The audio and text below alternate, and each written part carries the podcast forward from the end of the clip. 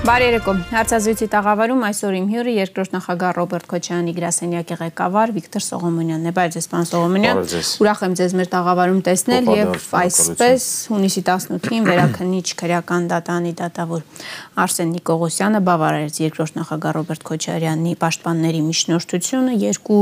միլիարդ դրամ գրավի դիմաց հողվեց երկրորդ նախագահի խափանման միջոցը սկզբի համար ինչպես կգնահատեք դատարանի այս որոշումը վճիռը, խնդրեմ։ Շնորհակալություն հրավերի համար։ Գիտեք, որ բազմիցս ասել ենք եւ ընդհանրապես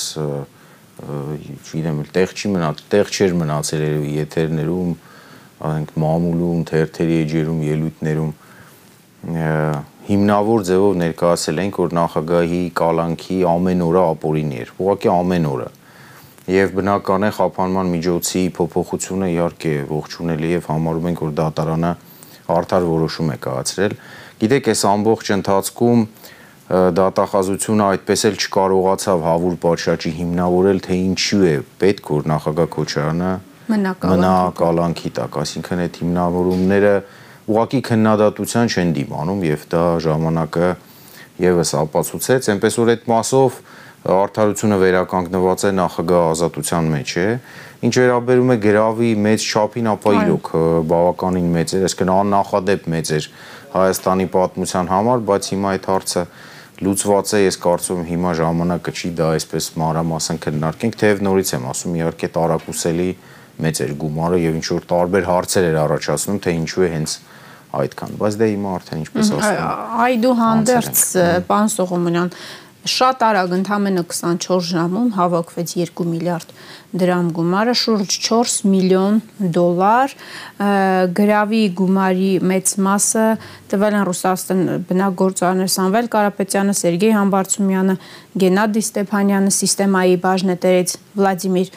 Եվտուշենկոն, հեշտ չէ ամեն դեպքում 24 ժամում 4 միլիոն դոլար հավաքել եւ առասարակը այս քայլը ինչ որ բան նշանակում է գործարարների չի նշանակում, շատ քննարկվեց ամեն դեպքում։ Թե ինչպես հավաքվեց գումարը եւ ովքեր շտապեցին։ Ես հետեւել եմ այդ քննարկումներին, բնական է հետեւել եմ այն քննարկումներին, որոնք սկսվեցին, երբ որ գումարը հայտարարվեց, էլի են բաներ, հա, առասպելները սկսեցին շրջանառել, բայց այնուամենայնիվ հիմա դրան չանդրադառնամ, ես գործարարների փոխարեն չեմ ուզ չէի ուզենա խոսել, ասել այ իրենք արել են, որովհետև այսպես են կարծել։ Մեկ երկու բան կա, որ ակնհայտ վերլուծությունն է ցույց տալիս, այսինքն ուղակի տրամաբանությունն է ապացուցում, դա կուզենայի շեշտել, այսինքն པարզ է, որ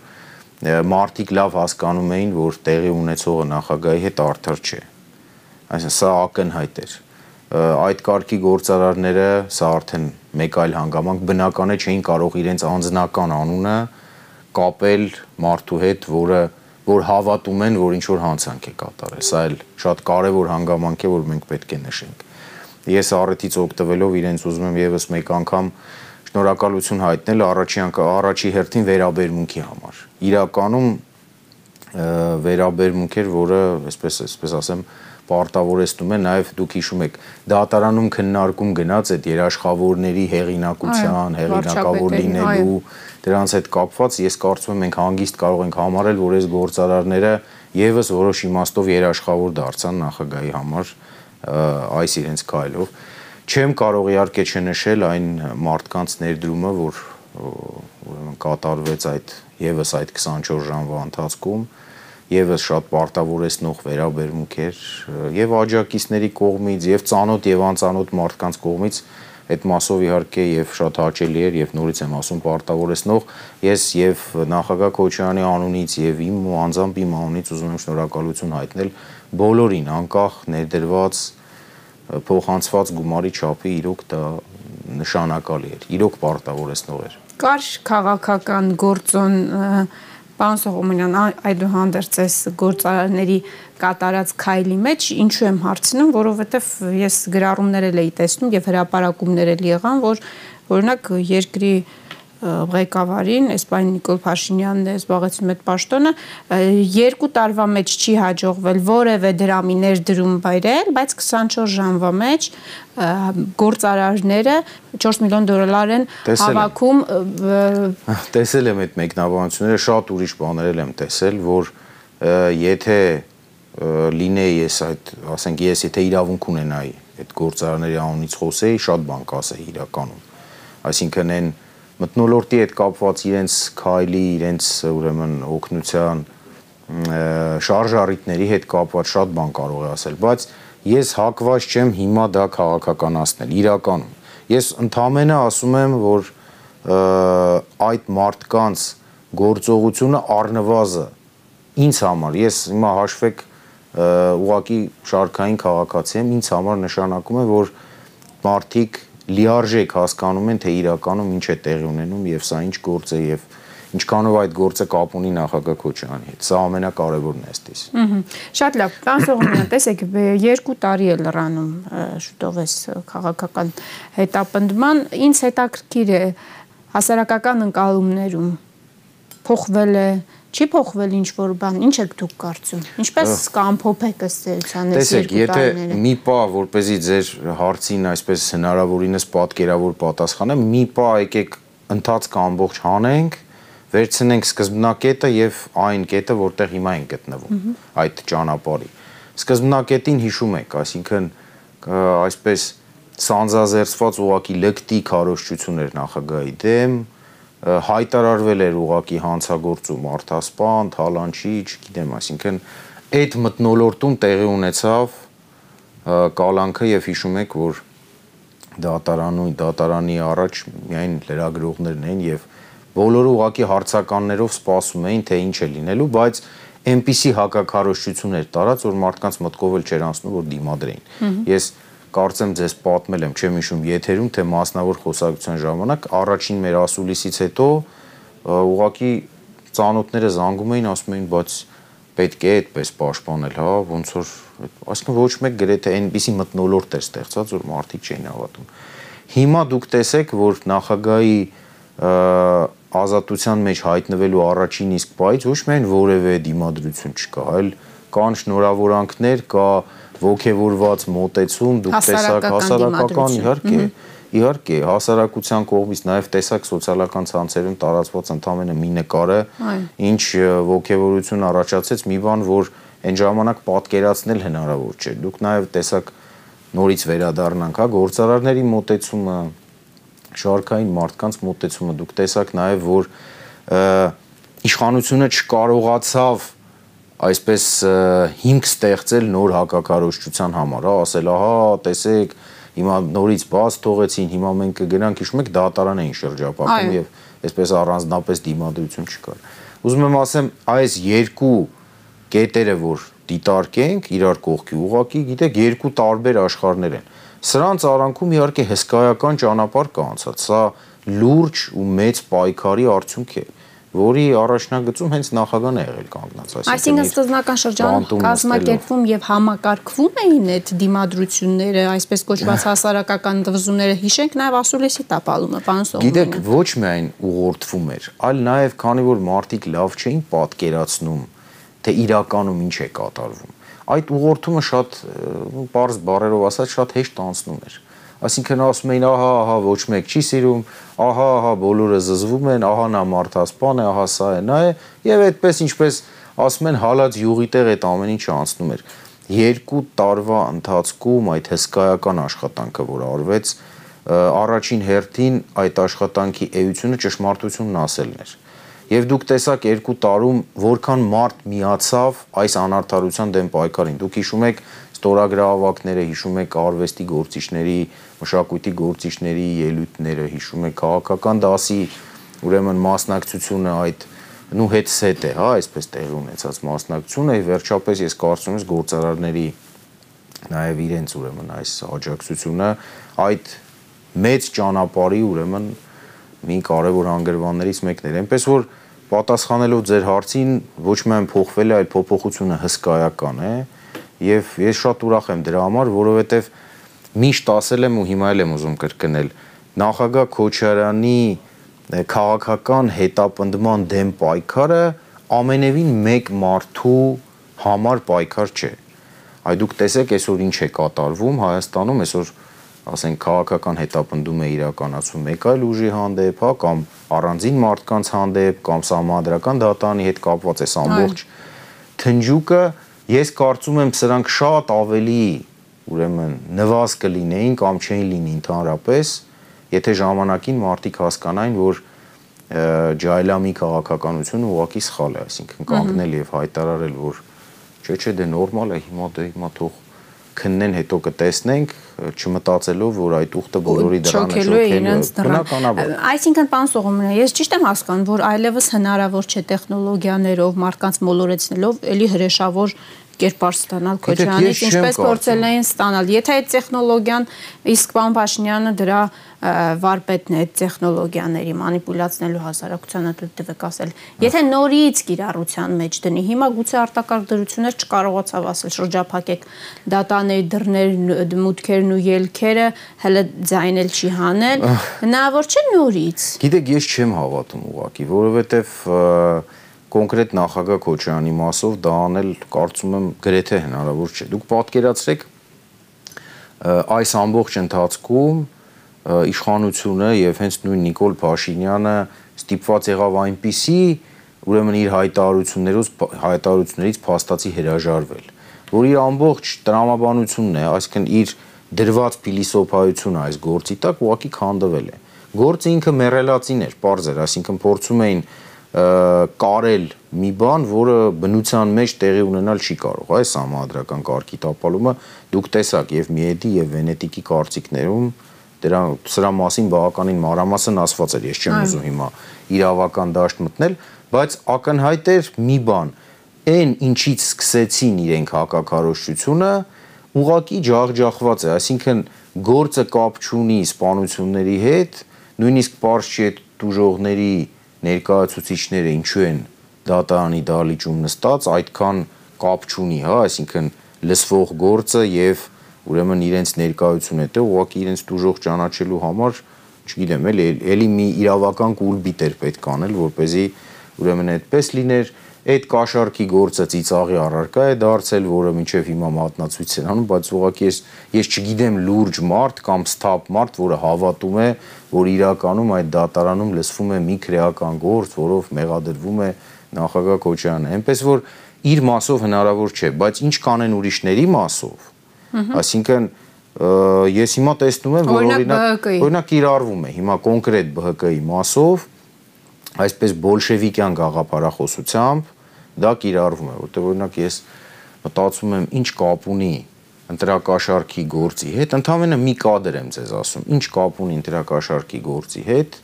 ուրեմն այդ մեքենաների գարաժը, որտեղ թանկ մեքենաներ են կանգնած։ Ուղղակի ուզում եմ համադրել եւ հասկանալ։ Այսինքն, քանի որ կապ չունի, նշանակում է դա եւ մամուլում էլ քննարկվեց այդ Տուշոնկայի պատմությունն է, հա, ինչ որ մոնտաժել իրար կողք ցույց տալ առաջացնելով։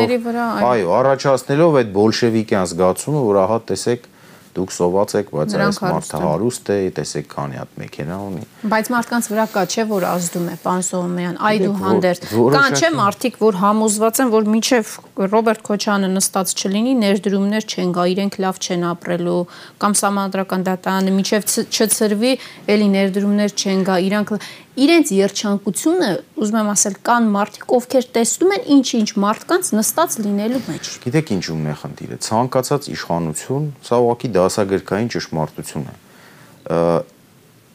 Տվյալ երկրի հասարակությանը պետք է ուղենիշներ տա։ Գոնե մոտ ապագայի համար, չեմ ասում, շատ լավ կլինի, որ ընդհանրապես հա ազգային ճանապարհի ազգային գաղափարախոսության ուղենիշներ տա, բայց գոնե մոտ ապագայի ուղենիշներ պետք է տա, Եվ ամենակարևորը այդ ուղենիշները պետք է որոշակի արժեքների վրա հիմնված լինեն։ Ես օրինակ ձեզ հիշեցնեմ, ուրիշ տեղ չգնամ, հա, ինչպես ասում են 98-99 2000 թվականների ինչ ուղենիշ էր տալիս այն ժամանակվա նոր իշխանությունը։ Ասում էր զիջել չկա, մեր ազգային հարցը չենք զիջելու, բայց զարգանալու ենք, կտեսնեք, որ կարող ենք, եւ հիշում եք այդ հայտնի արտահայտությունը մի փոքր էլ համբերություն եւ հավատ ու ամեն ինչ լավ է լինելու։ Այսինքն մեզ ասում էին կոպիտ ասած 1-2 տարի համբերեք, մենք հիմա բարեփոխումներ ենք անում, հարաբերությունները աշխարհի հետ փոխում ենք, մտնում ենք միջազգային կազմակերպություններ, տնտեսությունն ենք զարգացնում, ժողովուրդ 1-2 տարուց դուք որպես օրինակ ընտանիք մանր միջին բիզնեսի մեջ եք ներգրավելու եւ հաջողություն եք ունենալու։ Այ տեսեք, այս հարկերն ենք իջեցնում, այ տեսեք, սա ենք անում, այ տեսեք, ներդրումներ ենք բերում, շինարարությանն ենք զարգ տալիս։ Մարդկանց տվեցին տեսանելի եւ իրենց արժեքների, բարոյական, իսկական արժեքների վրա հիմնված ուղենիշներ եւ մարդիկ այդ ուղենիշները ստանալով մնացին Հայաստանում։ Դուք հիշում եք, նույնիսկ դրական միգրացիոն սալդո եղավ այդ տարիներին։ Դա էր պատճառը։ Իշխանությունը կարողացավ դա տալ։ Հիմա մեզ ինչ ուղենիշ են տալիս։ Լավ, ենթադրենք, ասենք հասարակության մի մասը դրան տրվում է, բայց դուք տեսեք ինչ արժեքների վրա են այդ ուղենիշները կառուցված։ Այ դուք հեսա համբեր եք, հեսա կխլենք կտանք ձեզ։ Սա է ուղենիշը։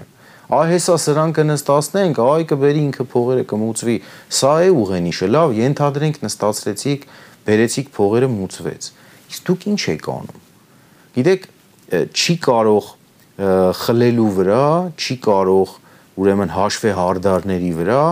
հասարակությունը իր համար ուրեմն այսպես երկարատև հերանեկար տեսնի եւ այդ հասարակությունը ինքն իրեն պետությունը սկսի զարգացնել ստիմուլներ ստանա որպեսզի պետությունը զարգացնի կեղծ ուղենիշների կամ շատ դեպքերում անբարոյական ուղենիշների վրա անգամ իհարկե պետությունը զարգանալ չի կարող հասարակությունը լինելու է աղճատված, լինելու է բաժանված, բաժանվելու է սևերի սպիտակների, խլողների եւ խլվողների, ծեծողների եւ ծեծվողների, նստոց նստածների եւ նստածնողների, այսպիսի հասարակություն ենք ունենալու եւ ցավոք սրտի, եթե դիմադրություն չցուցաբերվի քաղաքական, հասարակական Մենք հենց այդ ճանապարհով էլ գնալու ենք։ Չկա այսօր այդ դիմադրությունը, պարոն Սողոմոնյան, որտեղ ընդդիմադիր դաշտում ինչ որ զարգացումներ են գնում, միավորումներ ենք տեսնում ԲՀԿ, Վանեցյան դաշնակցության, այդ կոնսենսուս մինուս 1-ն է ձևավորվում, միսու արյունն է ըստ էության։ Ես չի ասի, որ չկա։ Ինչպես է գնահատում, այո։ Այսպես ասեմ, նայեք, որոշակի գործընթաց կա այն ակներև է։ Ինձ ուրախացնում է, որ դա տեղի չունենում, այսպես ծածուկ, հա, այսինքն ինչ որ սենյակներում հավաքվում, խոսում են, մարդիկ հանդիպում են, քննարկում են, հետո հայտարարում են, ասում են հանդիպել են, քննարկել են, խոսել ենք եւ այլն։ Բայց միակ պատճառը չի, որի համար ուրախանում եմ։ Ինձ ավելի ուրախացնում է, որ այդ գործընթացները տեղի ունենում բնական հողի վրա։ Այսինքն, այնպես չի, որ ինչ որ 3-4 հոգի ասել են դե լավ է, իշխանությունը լավը չի, արի մի քիչ էլ մենք լինենք իշխանություն այսինքն իշխանապողություն կամ ընդդիմադիր շարժում հանուն ընդդիմադիր շարժման ու իշխանապողության բացարձակ եթե վիճակը գնահատում ես դու գալիս ես հետեւալ եզրակացության եթե ընդդիմադիր շարժում չձևավորվեր սրանից կամ այդ շարժումը չակտիվանար ուրեմն մենք աննորմալ հասարակություն ունենք բայց բարեբախտաբար այդպես չի դուք տեսնում եք կորոնավիրուսի հետևանքով դրա ուրեմն այս անճար քաղաքականության արդյունքում ստեղծված իրավիճակի հետևանքով գալիք տնտեսական մեծ բարդությունների հետևանքով ես տնտեսագետ չեմ, չեմ կարող գնահատել, ասենք սով լինելու է թե չէ։ Ես ընդհանրապես հակված չեմ ծայրահեղական գնահատականների, բայց ես միանշանակ կարող եմ ասել, որ մենք զգալի տնտեսական խնդիրներ ենք ունենալու, որոնք մեր պես տնտեսություն եւ մեր պես արտաքին խնդիրներ ունեցող ուրեմն պետության համար շատ մեծ ու ծանր բեռ են լինելու, գուցե դժվար հաղթահարելի խնդիր։ Ինչ ուրախացնում է, որ իրական հենք ունի ընդդիմադիր այս շարժը, հա, այսպես ասեմ, ես չեմ կարող ասել ինչով կավարտվի, բնականաբար ինքս որևէ կերպ չեմ մասնակցում, թեև բազմաթիվ ընկերներ ունեմ այդ բոլոր երևի թե անխտիր բոլոր քաղաքական միավորումներում, այդ թվում որոշ դեպքերում նաև իշխանական ուրեմն բաներում, որովհետև Երևանը գիտեք, փոքր քաղաք է եւ ոնց էլ չլինի կամ մի ուսանողական ընկեր կամ մի բակի ընկեր ինչ որ մեկը անպայման լինում է։ Բայց ես հասկանում եմ, որ այդ շարժը բնական է եւ դա ինձ իհարկե ուրախացնում է։ Ես հասկանում եմ, որ դիմադրությունը լինելու է։ Այսօր էլ ուրեմն կարդացի, որ ուժերից մեկը առաջարկում է համադրական կարգի վերականգնման կոմիտե ստեղծել, լրիվ հասկանալի է, լրիվ པարզ է ինչ են անում մարդիկ Ինչ կդառնա, ես հենց հիմա դժվարանում եմ ասել, բայց պատասխանելով ձեր հարցին, գործընթացները կան, մենք դրանց ուշադրությամբ հետևում ենք։ Այդուհանդերձ ծրիվ ծրիվ եղած չեն այդ գործընթացները, պարոն Սողոմոնյան, թույլ տվեք ասել, եւ տպավորությունը, որ կան ուժեր, ովքեր կոմպլեքս ունեն, բաց խոսելու եւ պատրաստակամություն հայտնելու համագործակցելու այսպես կոչված նախկինների հետ։ Ռոբերտ Քոչարյան, չգիտեմ, Սերժ Սարգսյան եւ անգամ հարցադրումների ժամանակ երևում է այդ կոմպլեքսը բարթույթը պատասխանելու այդ հարցին։ Այդ զգուշավորությունը այդուհանդերձ դեռ կա, չնայած ուխտը արդեն չոքել է իրանց դրանը։ Գիտեք, ես այսպես ասեմ, ինձ այդ աղճատվածությունը կամ այսպես տարբեր խմբեր լինելու հանգամանքը ինձ բոլորովին բնական է թվում Ես երբեք պատրանքներ չեմ ունեցել, որ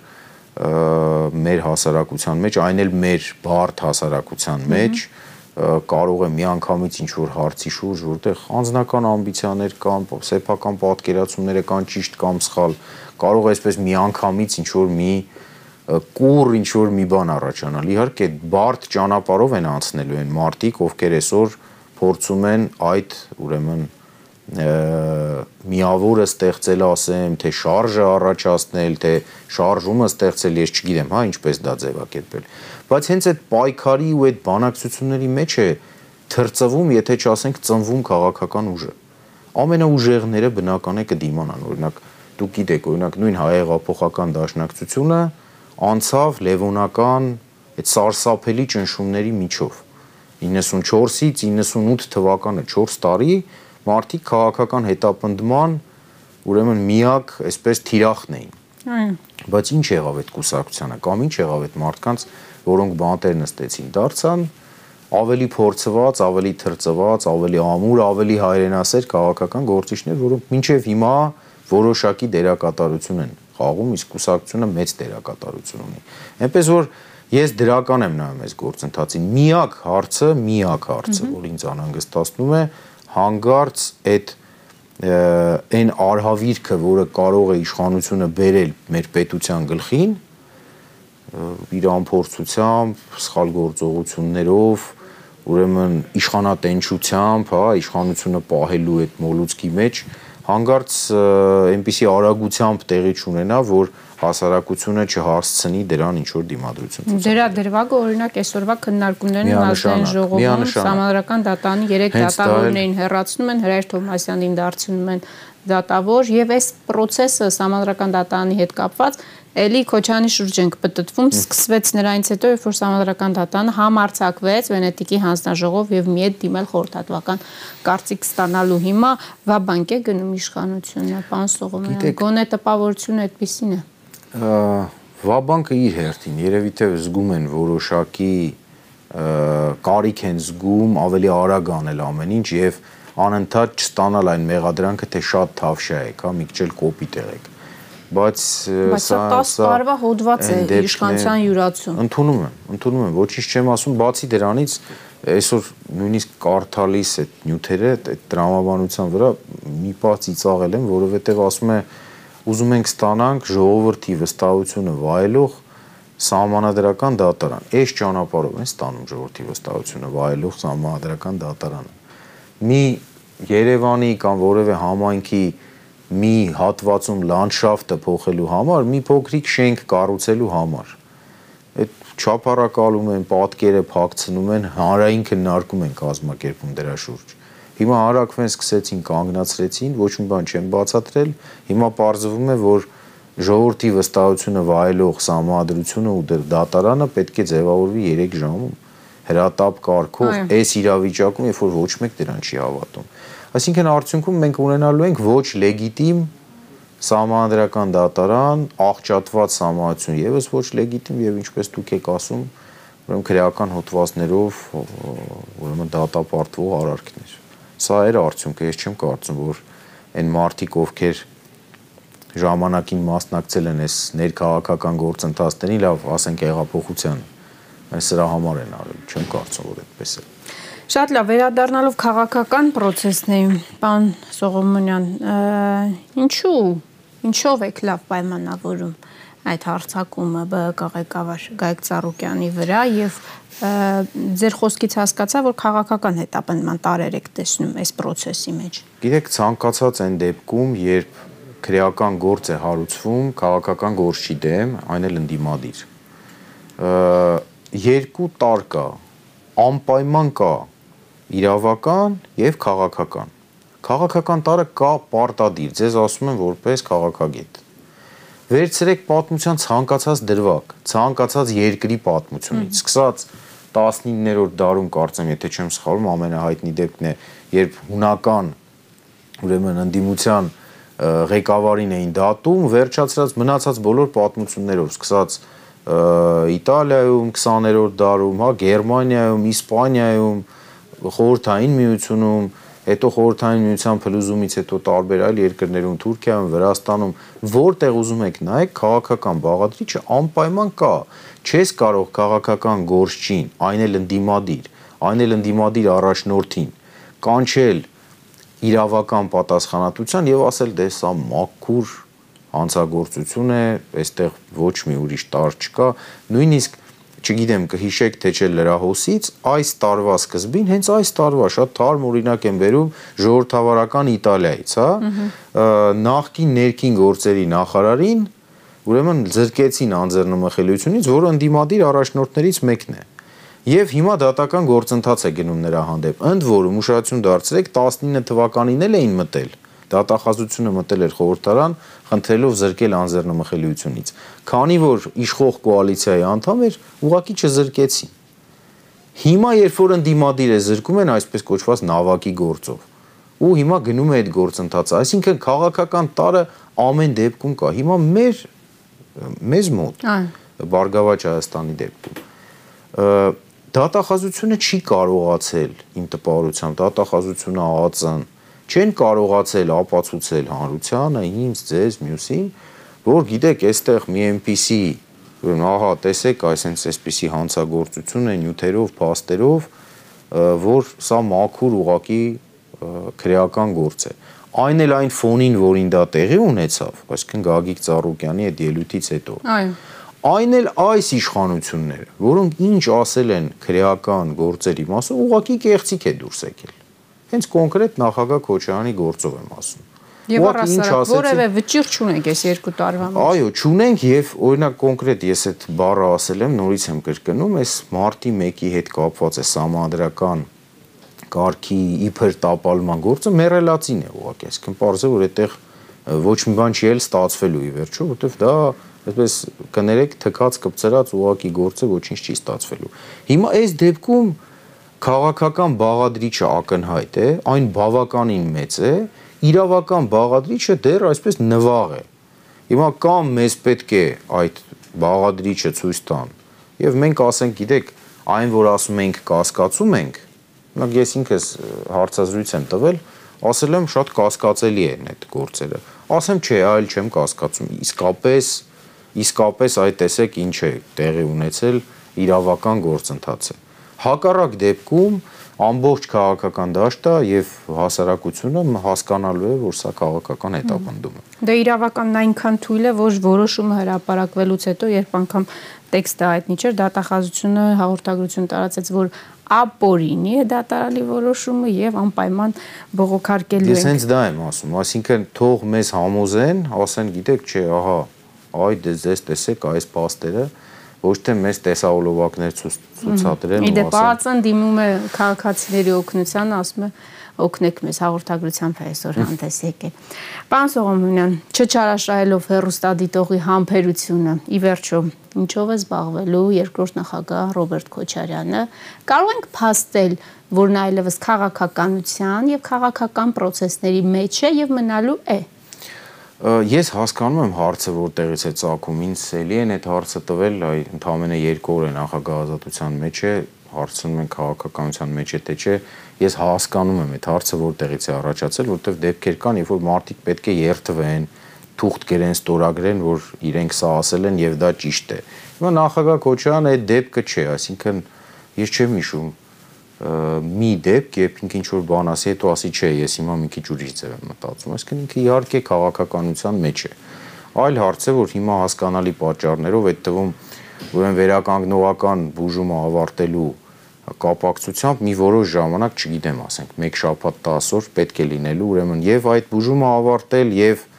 իմի բերել տեղի ունեցածը, մի հատ հասկանալ process-ները, այսինքն տեսնել թե ինչ է կատարվում Հետագայի մասին ես ուսով եմ ինքը անձամբ կասի կհայտարարի հարցազրույցում, հայտարարության մեջ, այդ ամեն ինչը արժևում է։ Քաղաքական հետաքրքրություններ ունի եւ դրանք Գիտեք, ես պատկերացրեք ընթացքում այսինքն պատկերացեք ես ընդհանրապես մեկ հանդիպում եմ ունեցել, այ մինչև այս պահը մեկ անգամ եմ հանդիպել, այսինքն հասկանալու որ մարդը 1 տարի ուղակի տանը չի եղել եւ ուզում եմ մյուսներն էլ ըմբռնումով այդ պահին մոտենան, գումարած բուժումը, բայց ինչքանով որ ես գիտեմ, վստահ եմ, ինչքանով իրեն ճանաչում եմ եւ իրենից լսել եմ, այդ որոշումները անփոփոխ են։ Ինչ դրսևորումներ կստանա, ինչ ժամկետներում ես չգիտեմ։ Այսինքն մեզ մի փոքր էլ ժամանակ տվեք մտածելու, հասկանալու, քննարկելու համար եւ այդ բոլոր հարցերը պատասխան կստանան, բայց նորից եմ ասում, նա այն մարդը չի, որ պետք է մի քանի անգամ նույն բանը կրկնի, ասել է ու դա էլ չի քննարկվում։ Շատ լավ, եւ մենք նկարագրեցինք իրավիճակը Ման Սողոմոնյան,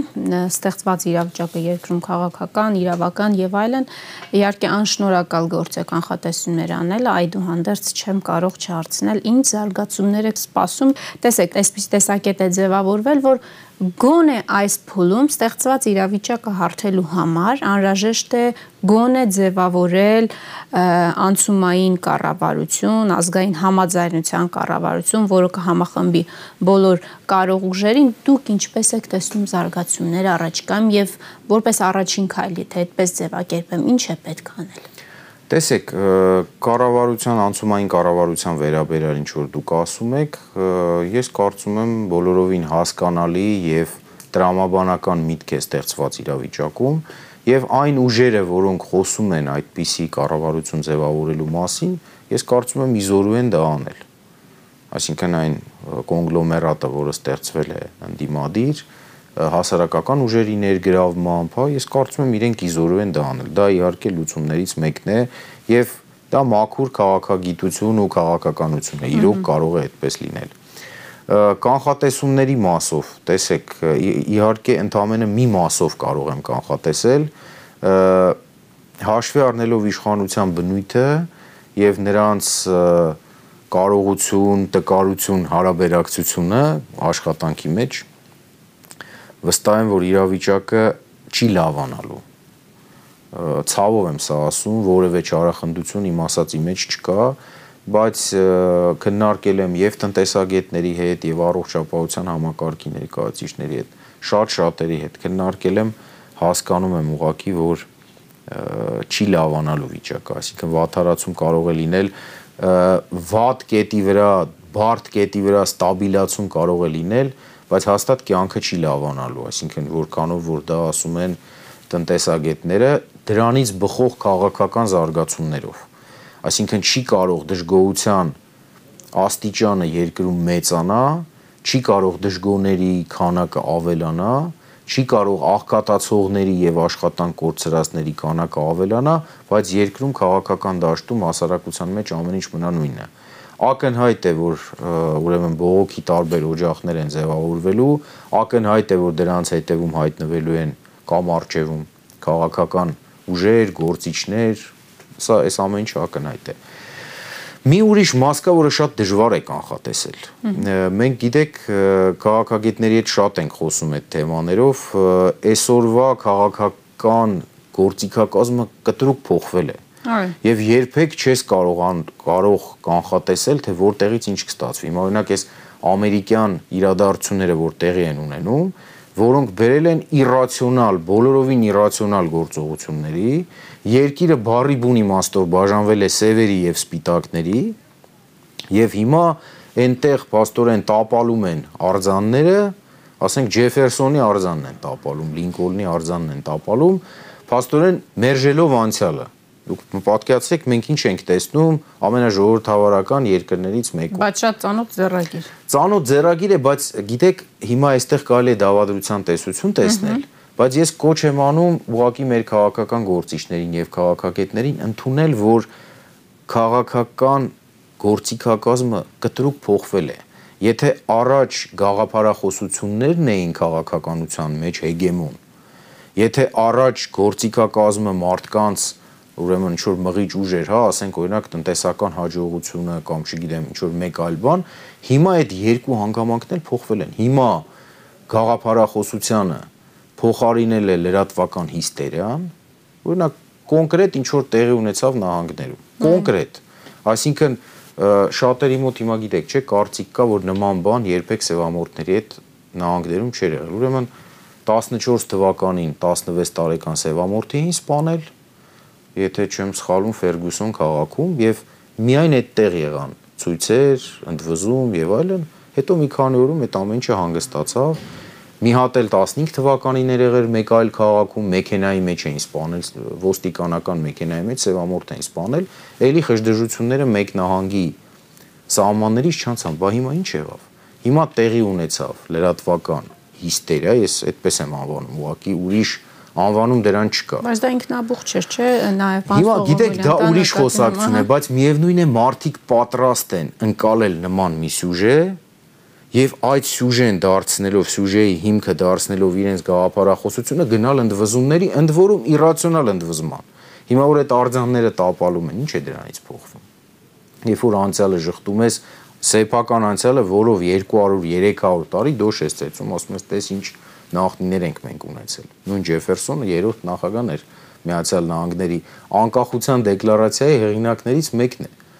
Դե մենք արձանը շուրջ չտալու մասով, բայց այդ զարգացումների միջով ոնց որ դե անցել է 2008-ին, 18-ին, մենք անցան մենք հերոսներին մերժում ենք։ Դուք միանշանակ արձանը չենք մերժում, բայց հերոսներին ենք տապալում։ Ինչ եմ ես ուզում ասել։ Մենք կա այս սև կարապների հա մասով քաղաքականության մեջ, այսպես կոչված, այսինքն երևույթներ, որ դու չես կարող կանխատեսել, դրանք հասունանում են, բայց դու չես կանխատեսում։ Մենք կարող ենք այնպիսի զարգացումների գալ, որոնց մասին հիմա նույնիսկ չենք էլ մտածում։ Այդ սև կարապները որտեղ են թաքնված մեր քաղաքական դաշտում, հասարակության մեջ, գուցե Սփյուռքում, ես չգիտեմ, գուցե դրանք արտաքին քաղաքականության մեջ են։ Բայց այդ մասը կանխատեսելի չի։ Սրա մասին կարող եք ասել ինչի ենք խոսում, չէ՞ որ դա ցանկացած ժամանակ կարող է լինել, բայց երբ որ մենք չունենք ինստիտուցիոնալ իշխանություն, որը երկիրը տանում է այսպես հետևողական զարգացման, երբ մեր պետական նավը, այսպես ասած, պատեպատ խփելով ենք շարժվում առաջ, բարի ամենալայն իմաստով։ Երբ մենք հայտարարել ենք, որ անցյալը չարիք է, չնայած հայտարարել էինք։ Ես ես վերջերս տեսնում եմ, որ այդ հների ու նորերի արեստական դիսկուրսը կամած-կամած վերանում է, ինչի համար շատ ուրախ եմ, որտեղ առանց հիմնարար պատմության հասարակությունը չի կարող զարգանալ ես կարծում եմ, որ այս պայմաններում այդ սև կարապների գոյությունը ել ավելի վտանգավոր է դառնում։ Եթե ես իմանայի, որ մենք ունենք ինստիտուցիոնալ իշխանություն, այսքան չի անհանգստանա, բայց մեր մոտ բոլորովին հակառակն է։ Այս կորոնավիրուսի պատմությունը ցույց տվեց, որ նույն ժամվա ընթացքում իշխանության մեջի երկու տարբեր կարևոր ճյուղեր կարող են իրարամերժ հայտարարություններ անել, ինչը իհարկե ստիմուլացնելու է բոլոր այն խնդիրները, որոնց մասին ես խոսում եմ։ Էնպես որ ճիշտ հասկացեք, ես չեմ ուզում հորետեսական այսպես կանխատեսողի տպավորություն թողնել, բայց ցավոք լավ բան չկա, հետո ես չեմ էլ ուզում խაფել։ Մենք ես չեմ ուզում այսպես քաղցր սուտ ասել, հա, դե ոչինչ, ամեն ինչ լավ կլինի։ Ես վստահ չեմ, որ ամեն ինչ լավ կլինի։ Այսօր անհանգստությունների քանակը սարսափելի մեծ է կապված եւ մեր հարևանների պահվածքի հետ, եւ մեր տնտեսական վիճակի հետ, եւ հասարակական տրամադրությունների հետ, որոնք տեսեք հիմա նոր շրջապուլի մեջ են մտնում լարման։ Սա ծայրահեղ վտանգավոր է։ Բայց Նիկոլ Փաշինյանը մի առավելություն ունի, ինքը նախին խմբագիր է, նախին լրագրող է, սա իրեն չի կարող օգնել մանիպուլյացիա անել այս իրավիճակները թերթի լույս ընծայմամբ ղեկավարել։ Դա իր առավելությունը չէ, նկատի ունեմ, այս իրավիճակում։ Գիտեք, վարպետն է, չէ՞ ի վերջո այդ տեխնոլոգիաները։ Մենք հասել ենք մի մենք հասել ենք մի իրավիճակի, երբ անձի առավելությունները պետության թերություններն են դարձել։ Այսինքն անձը քաղաքական X հաջողության կարա հասնի, միևնույն ժամանակ այդ հաջողության հասնելով Y վնաս բերելով պետության ու զգալի վնաս բերելով բազմաթիվ են այդ օրինակները։ Այսինքն ինքը կարող է հայտարարել, որ չգիտեմ, կորոնավիրուսը ումշունն է, հետո ասել առանց դիմակների ես ձեզ տուգանելու եմ 10000 դրամ։ Հիմա մենք համբավ ունենք աշխարհում կորոնավիրուսից ամենաշատ տուժած պետության, որի իշխանությունները չկարողացան արդյունավետ պայքարել այդ վարակի դեմ։ Այսինքն ինքը գուցե պատմության տակից ինչ որ ձև դուրս եկավ, հա, ասես դե ես չգիտեի, վայ, տեսակ ես էլ եմ հիվանդացել բայց դուք տեսեք ինչ վիճակում հայտնվեց պետությունը կամ Ղարաբաղյան կարգավորման հետ կապված մարդը սկսում էր 0 կետից Արցախը բերում էր բանակցությունների սեղանին Հիմա մենք ինքնա ինքը ասում է ես ուրիշ բանի նկատի ունեի, ինչ որ ձև արդարանում է, երևի ինչ որ մարդիկ էլ հավատում են։ Բայց դուք տեսեք մենք ինչ վնաս ենք կրել, ես չգիտեմ, մենք հիմա քանի տարի պետք է ծախսենք հաջորդ իշխանությունը քանի տարի պետք է ծախսի այս վնասները չեզոքացնելու համար։ Շատ լավ, շնորհակալ եմ։ Ես էլ եմ Հարցազրույցի տաղավարում իմ հյուրը երկրորդ նախագահ Ռոբերտ Քոչյանի գրասենյակի ղեկավար Վիկտոր Սողոմոնյանն էր։ Ամուր եղեք, հանդիպենք վաղը։